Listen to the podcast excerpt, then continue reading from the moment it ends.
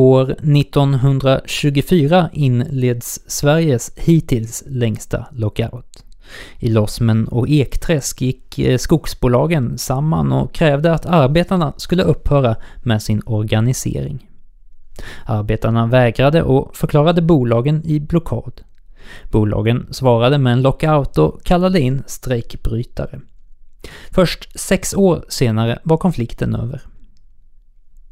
2015 utkom poeten Freke Reihem med diktsamlingen Baggböleri. Där skildrar han konflikten och arbetarnas kamp. Boken är ett resultat av många timmars grävande i arkiven. I boken finns brev, dokument och tidningsartiklar infogade. För boken nominerades Freke till Norrlands litteraturpris. Nu är han aktuell på nytt. I boken Illegalen skildrar han en flykt. Det är en prosa-lyrisk berättelse från en stängd värld, så som förlaget beskriver den. Jag träffar Fräcke Reihe i Malmö. Avsnittet spelades in under min och författaren Henrik Johanssons Skåneresa. Ja, då säger jag hej och välkommen till podcasten till Fräcke Reihe. Hej, tack. Och eh, med mig här finns också Henrik Johansson, författare och eh, min medresenär för det här programmet. Det ingår i en serie program där vi åker runt i Skåne och träffar arbetarförfattare. Exakt. Så välkommen du också. Tack. Eh, och Fräcke, vi ska prata om din nya bok Illegalen som utkommer här nu. kort, vill du berätta om den? Um, det är alltid så jävla svårt att berätta om någonting som ganska nyligen är färdigt. Eller egentligen är det inte ganska nyligen färdigt. Men det, det känns fortfarande nyligen färdigt. Det är, det är en lång dikt eh, skriven som prosadikt. Eh, som är en fiktion men ändå liksom baserad på eh, Eh, min släkthistorias erfarenheter av flykt. Um, den har musiksats samtidigt, eller innan den blev accepterad av, av uh, förlag. Så att på något sätt kommer vi få ut den här skivan samtidigt, eller efter, eller innan. Berätta kort om din, din släktshistoria om, om flykt. Um, jag tror det kommer mestadels från min mormors mormors släktsida. Um, ehm, hur uh, um, Ryssland invaderade Finland. Uh, eller invaderade finska Karelen och tog det som sitt. Um, och då tvingades hon fly. Um, och därifrån har jag liksom med mig eh, det är en berättelse som har varit närvarande i, i, ehm, i min uppväxt. Eh, mina morföräldrar kom ju eh, som arbetskraftsflyktingar från Finland. Jag vet inte, heter det arbetskraftsflyktingar? Vad heter det? Arbetskraftsinvandring? Ja, fattigdomsflyktingar. um, Så det, där, det har jag inte tagit med. Men däremot är det erfarenheter av att möta ett annat samhälle. Um, som jag också använt till den här fiktionen som jag har skrivit. Spännande. Jag tolkar det mer som att jag tänkte på när det var till exempel vi, det, det, står kanske att vi, man reser över vattnet eller över havet och då tänkte jag på Medelhavet och alla båtar som går under och alla som dör i de flyktvägarna som går liksom från Syrien och Afghanistan och sånt. Mm. Ja. Det är som sagt en fiktion. Uh, men uh, det är möjligt att läsa in det, förstår jag. Uh, det handlar inte om eh, mina morföräldrars flykt. Det handlar inte om någon specifik person. Utan det är snarare ett, ett tillstånd av flykt, tänker jag. Du talar om att han har tonsats. kul. Och, men jag, jag tänkte också att när jag läste den att den var mer musikalisk än dina tidigare verk. Det går kanske att... Jag tänker att den påminner till, till stor del om boken Nomos som kom 2012. I sin um, rytmik liksom. Um, men den är ju såklart mer musikalisk än Baggböleri som är ganska upp, uppsliten i sin rytm. Hur, um, hur gick arbetet med den här boken till? Hur kom du på idén? Illegalen? Mm. Jag, jag låg hemma och var eh, sjukskriven för utmattningsdepression. Eh, för att jag hade jobbat några hundra procent eh, med en massa olika saker jättelänge. Eh, flera, flera år. Eh, så till slut slutade hjärnan funka. Så jag var hemma och var sjukskriven och det enda jag kunde läsa var typ dagstidningar. Um, och då liksom i samband med den här enorma massdöden som liksom sker i Medelhavet Eh, och som sker i Syrien och som sker i Iran och Irak och Jordanien och Ungern och liksom ja, hela den europeiska och, och över hela världen hela tiden. Liksom. Vi är bara mer fokuserade på Syrien just nu. Um, men den här döden sker ju hela tiden. Um, och jag tänkte att jag måste skriva någonting om det här. Jag kan inte bara sitta och eh, se på. Och jag hade inte ork att göra eh, allt det här fantastiska ideella arbetet som många aktivister i, i eh, runt om i Sverige har lyckats åstadkomma. Ehm, så jag tänkte jag måste göra någonting. Så jag började skriva någonting och så blev det detta. Men var det då som ett sätt för dig också att alltså, dels känna att du, du på något sätt bidrog eller fick ut dina känslor men också att hitta tillbaks igen och komma tillbaka? Till skrivandet? Mm.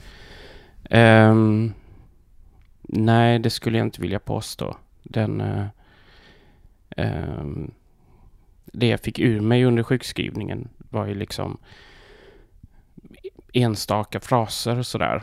Eh, eftersom min hjärna inte fungerade så blev det inte så mycket sådär. Ehm, men eh, när det har gått... Jag var väl sjukskriven i ett och ett halvt år liksom. Och sen började jag arbeta på ett HVB för ensamkommande och då tog den här texten fart liksom. Ehm, jag har också skrivit ett manus om det arbetet ehm, som ligger och eh, brinner på något förlag just nu. Men det, det, är en annan historia liksom. Helt annan dikt. Vilken? Alltså, ja, dikt. Ja. ja. Dikt. Fast liksom biografisk och liksom betraktande snarare än, än det här lyriska som finns i illegalen. Um, nu har jag tappat bort din fråga för att jag är fortfarande ganska påverkad av det här jävla skiten. Det är ganska eh, lyriskt och även naturlyriskt liksom. Det finns det är granatäpplen och det är eh, växter och frukt och kryddor. Mycket. Mm. Ja, det finns väl något, något sensuellt i det liksom.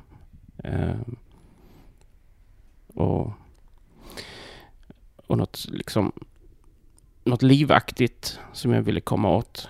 Eh, för trots eh, ehm, all den här misären som, som liksom hela det eh, samhället som vi omger oss med eh, skänker så finns det ju också glädjeämnen.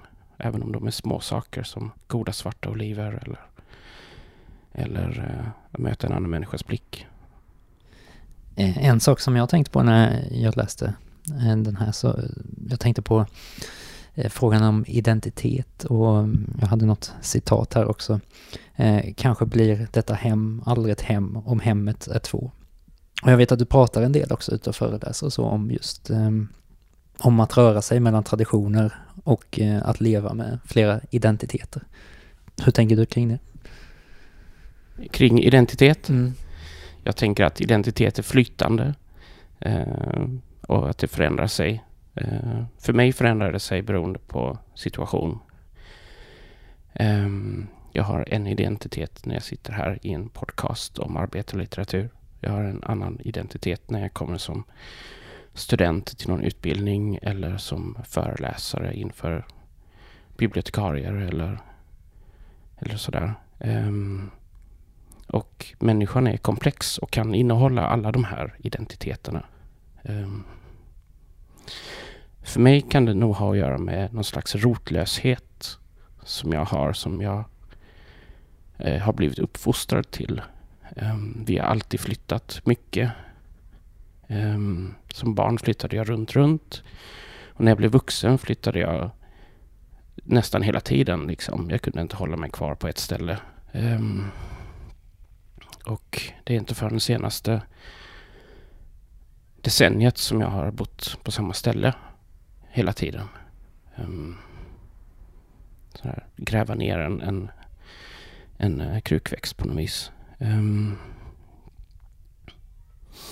och jag tror det är den här rastlösheten, eller rotlösheten, som har gjort att uh, som har skapat den här bilden av identitet hos mig. Att den är flyktig, att den kan förändras. För det där är väl också någonting som är kopplat just till själva flykten, att lämna någonting och komma till något annat och komma till ett annat land och ett annat språk eh, och andra traditioner. Ja, självklart och, och, och likadant liksom eh, den här idén om, om klassresa som, som pratas mycket om i arbetarlitteraturen, att det skulle vara möjligt att göra en klassresa. Sådär. Eh, det går ju att hävda att jag har gjort en klassresa från någon slags eh, arbetarklass till, till, en, eh, till en medelklass. Eh, jag är verksam som journalist och författare liksom. Eh, och det är ju typiska medelklassyrken. Eh, men jag har inte det i mig. Det sitter inte, jag har inte de här jävla maneren liksom. Um, och det präglar ju såklart mitt möte med den här den smutsiga klassen liksom. Som inte har något, något eget att komma med. Mm.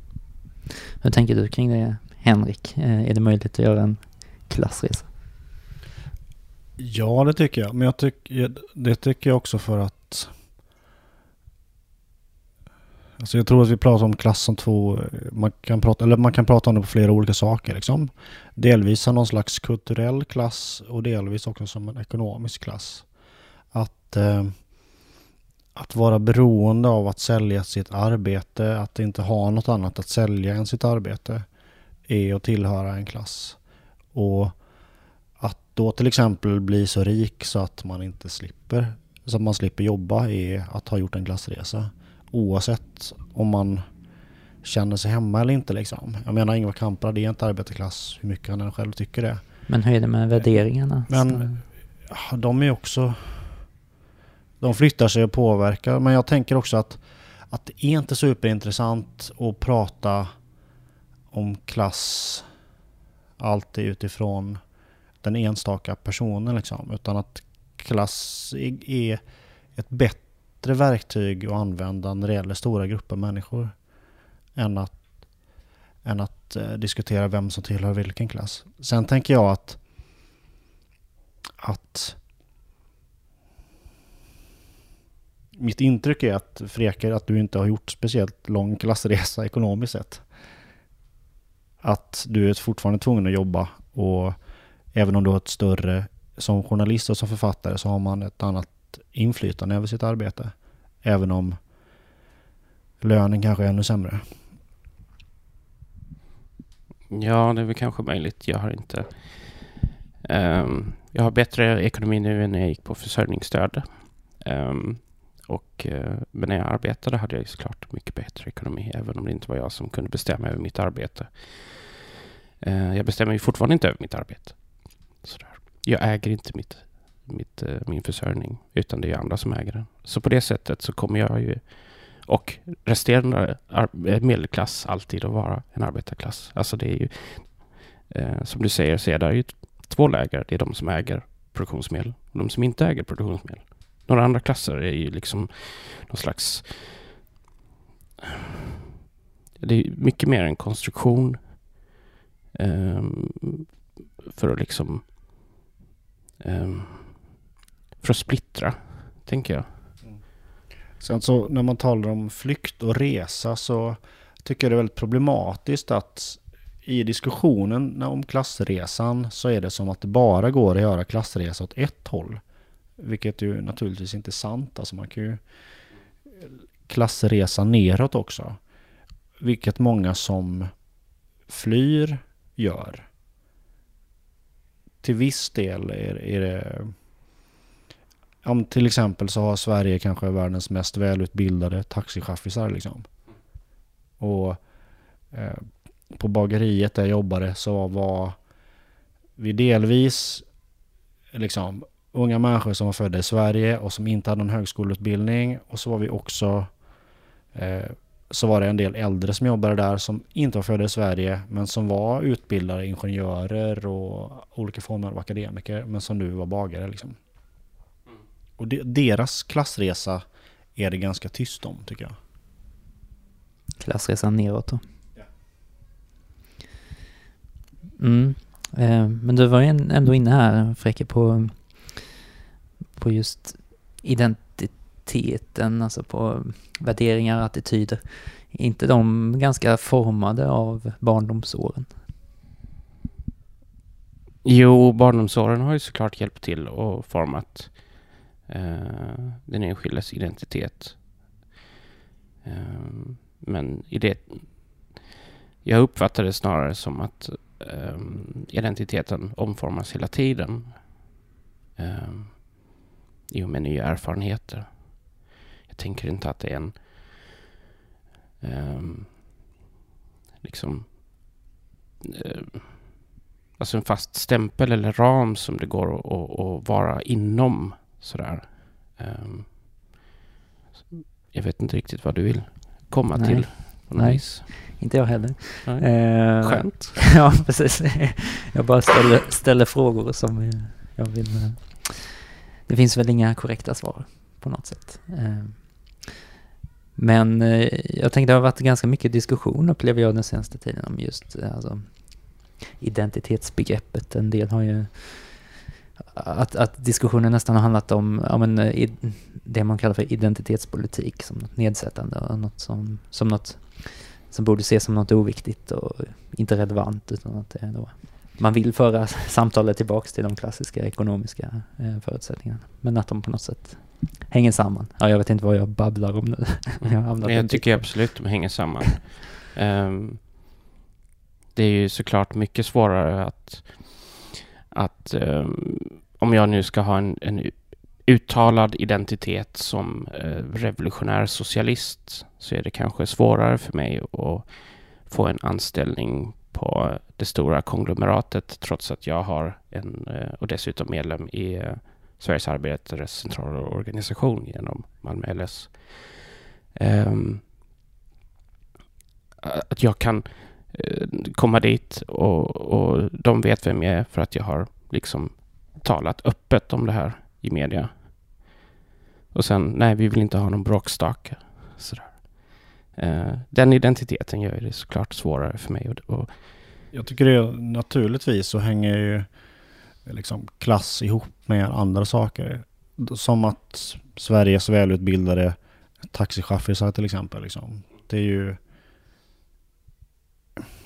Det kan, ju, det kan ju inte bara ses som en ekonomisk fråga utan en... Det, det finns en fråga om, det är en fråga om diskriminering liksom.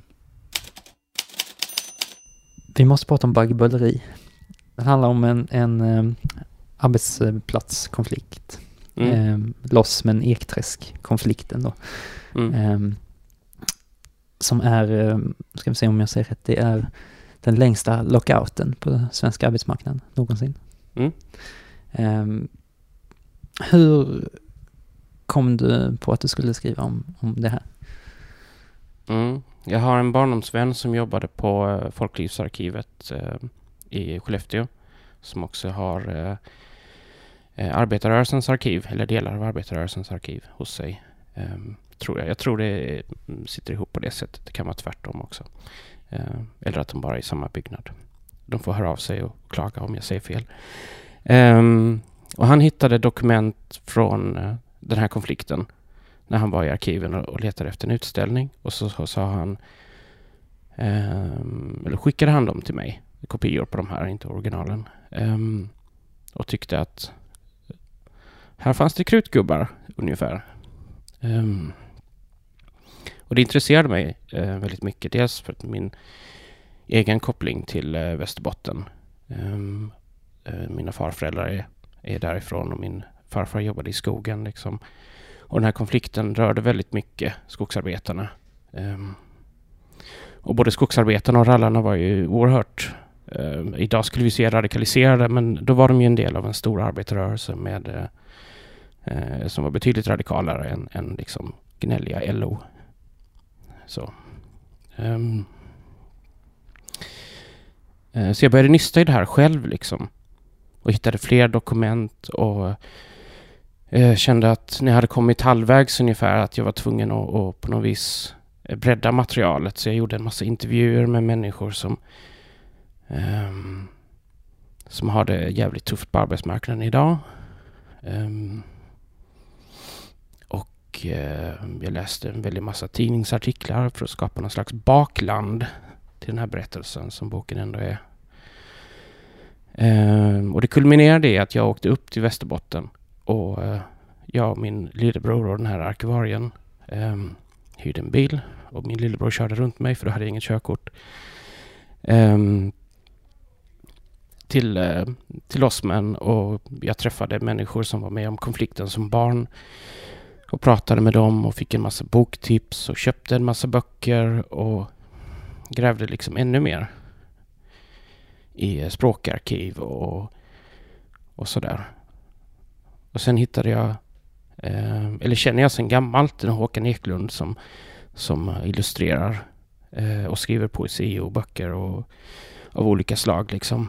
Eh, och bad honom eh, göra de här illustrationerna. Jag sa inte till honom bara vad det skulle vara för illustrationer utan jag ville att han skulle på något vis um, fånga det som jag försökte fånga och skicka med några bilder som jag hade tagit. Men det var mest så här. Här är en eka. Ekan är för övrigt med i boken. Uh, så här trasig uppdragen på uh, strandkanten. Um, Förresten, hoppar emellan. Mellan vilka år var lockouten? Eller konflikten? Oh, shit, ska jag komma ihåg det nu liksom?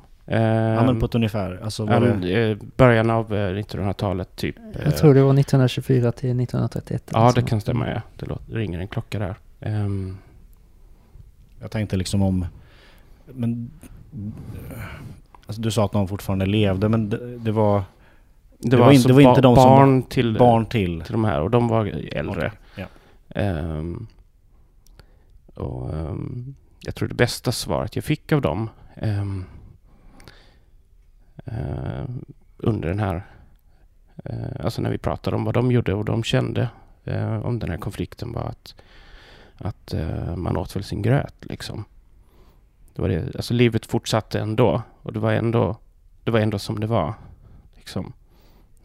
fastän det var eh, konflikt och bråk med snuten och, och länsman och liksom hela den hela statligheten liksom som var där uppe och försökte hålla ordning. Sen inte bara gröt, jag får mig att det står om att de överlevde genom liksom tjuvjakt och fiske och mm. som man väl alltid gjort i Västerbotten kanske. Mm. Jo, det har väl alltid gjorts. Eh, både jakt och tjuvjakt och bärplockning och, och fiske. Och sådär. Men jag tänker hur var det... Det låter ju väldigt roligt att sitta och gräva i de här arkiven. Eh, var det det eller var det mer besvärligt? Ja, det är oerhört eh, inspirerande att eh, gräva i arkiv. Eh, jag har ju som en del av min eh, poetik så bygger jag ju mycket av mina texter på dokument. Eh, även illegalen är ju till stor del byggd på historiska dokument och eh, samtida dokument. Liksom.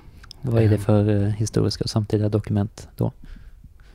Jag har nog inte någon lista på det. Jag har liksom inte riktigt samlat materialet efter att jag har eh, skrivit den. För det blir en, en, en väldig oreda. Och sen efter några år så kan jag sätta mig ner och liksom så här plocka ut. Men är inte förresten eh, i alla fall delar av baggböleri så har du väl använt så här samma typsnitt, typ som gammal skrivmaskin, eller? Nej? Eh, där är ju ett, par eh, stycken liksom som är Axel Bilare gjorde ju, eh, alltså syndikalisten Axel Bilare gjorde ju rätt mycket intervjuer med de här eh, personerna som var delaktiga i konflikten. Han står bakom mycket av det material som jag hittat eh, genom eh, SAC. Ehm, och de här intervjuerna skrevs, eh, renskrevs på maskin och de har jag eh, tagit del av digitala kopior och liksom klistrat eller eh, plockat ur eh, citat, direkta citat. Så det är liksom en avbild av de här blanketterna då fast jag tror det är lite annan storlek än i originalet liksom. Men, men eh, jag ville få in den känslan. Liksom collagekänslan liksom. Lyckas. Det lyckas.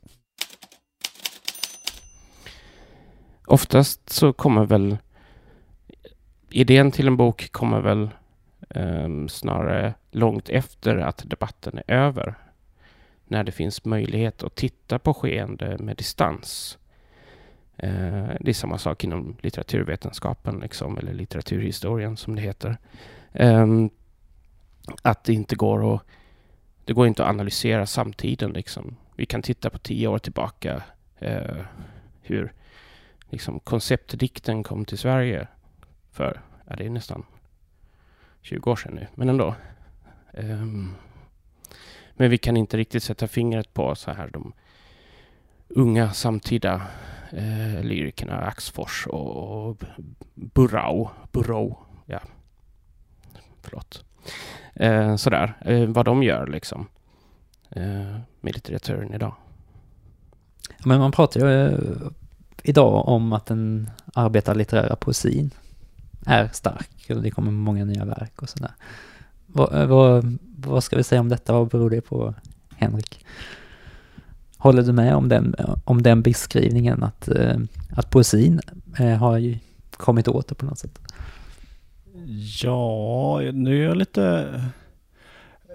Du menar, det blir liksom i relation till prosans styrka då liksom? Eller? Ja, prosan har ju Ja. varit väldigt dominerande. Ja, jag tänker att den fortfarande är lite dominerande, men det kanske blir mer och mer poesi. Varför? Jag vet inte riktigt. Ehm, jag tänker kanske att poesin är mer direkt och att en del av de poetiska verken som har skrivits, som speciellt helt arbete, har liksom skrivits eh, delvis i under arbetstid liksom.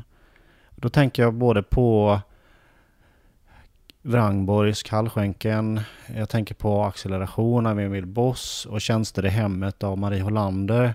Och, att, och det går liksom att efter ett arbetspass eller mitt i ett arbetspass kanske skriva ner några rader som växer ut i en dikt. Men det är lite svårare att skriva en roman på jobbet liksom. Så det kan bero på det. Och sen tror jag också att... Eh, nej, jag vet inte vad jag tror mer faktiskt. Det räcker att tro det. Vad, vad tänker du, Fredrik? Det är möjligt att det är så, att vår uppmärksamhet har splittrats.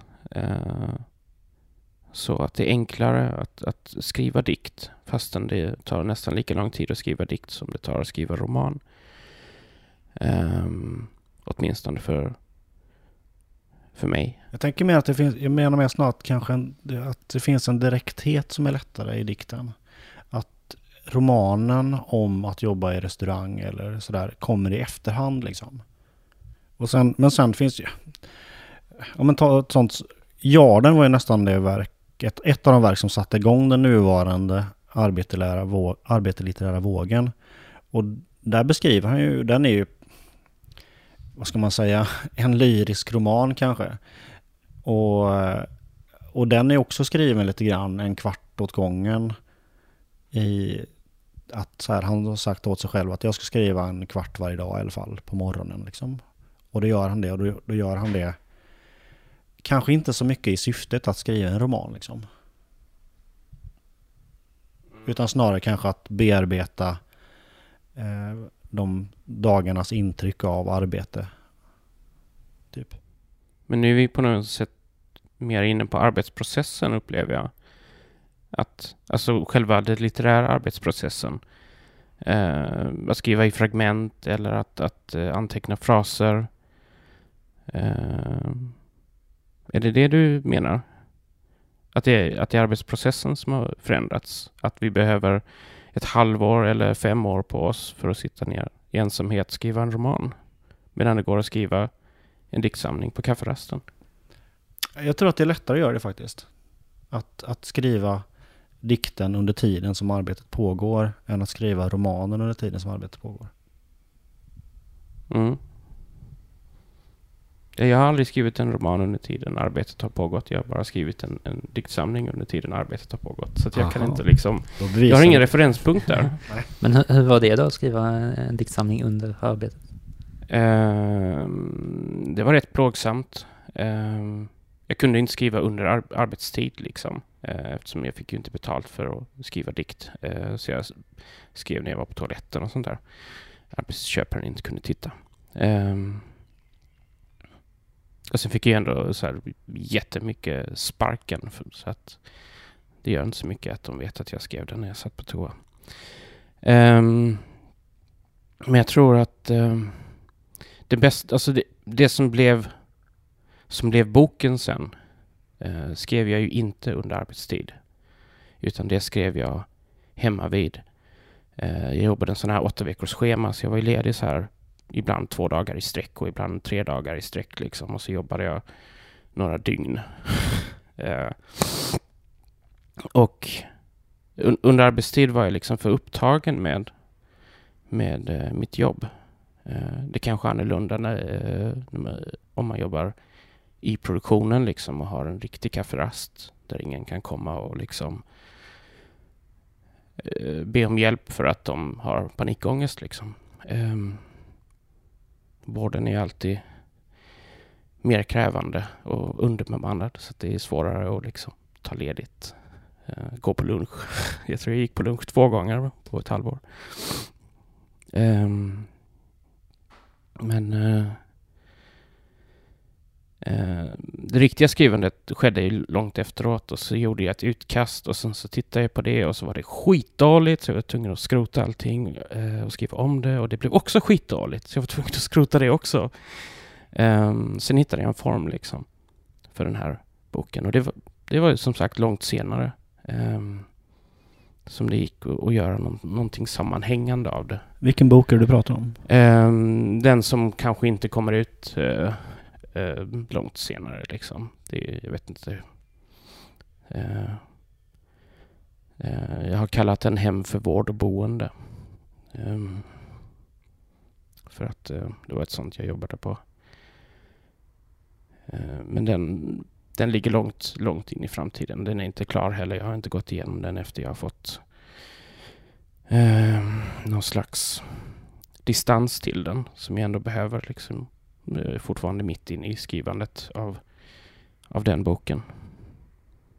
Sådär. Ja, man skulle kunna vända på det här också och prata om läsaren.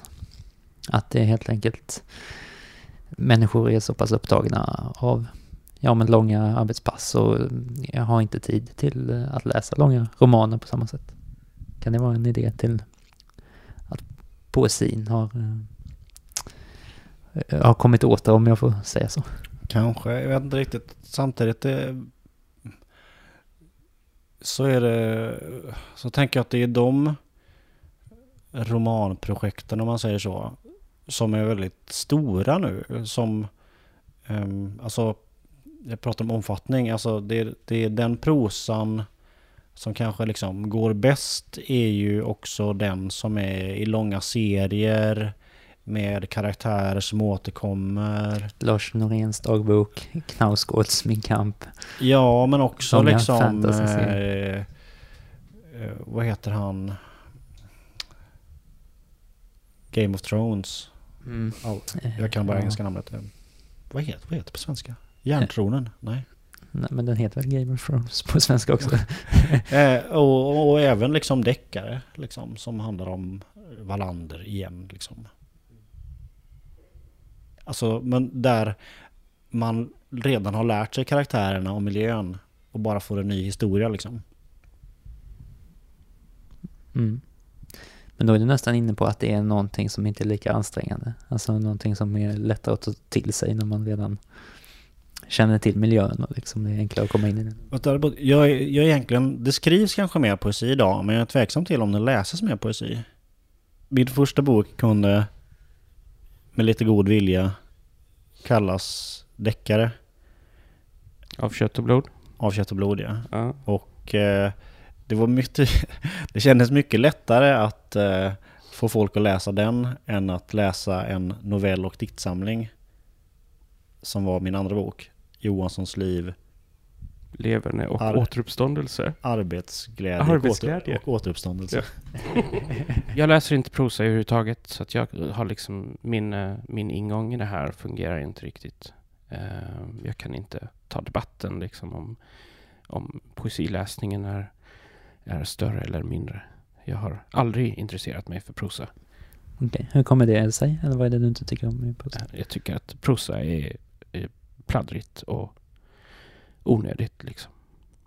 Det är som att lyssna på um, det här sociala pratet i, um, uh, på bussen liksom.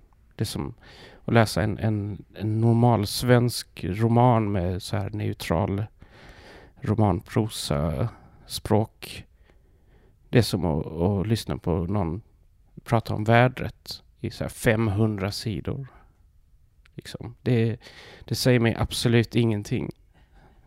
Det här tjafset med den dramatiska kurvan som ska vara med i allting. Det är så jävla förutsägbart liksom. Det, det är inte litteratur längre, det är bara pladdar om vädret. Du skriver bara om vädret Henrik. Nej, inte så mycket om vädret just. Men jag skriver prosa mest, absolut. Mm. Så jag håller inte med riktigt. Nej, jag förstår. Det är okej. Tack Henrik för att du var med. Tack själv. Och tack Freke för att du ville komma hit. Tack Freke och Henrik. Illegalen finns nu i bokhandeln. Nästa vecka blir det arbetsplatshumor här i podden. Jag pratar med Henrik Johansson och Andreas Svanberg som är på gång att ge ut en tidskrift om arbetsplatshumor. Vilken funktion fyller humorn på arbetsplatsen? Vad är egentligen roligt? Och hur skriver man med humor? Det och mycket mer om två veckor. Glöm inte följa podden på Facebook. Där finns massor av intressanta filmer med arbetarförfattare att ta del av. Det var allt för den här gången. Jag heter Mattias Torstensson. Vi säger så.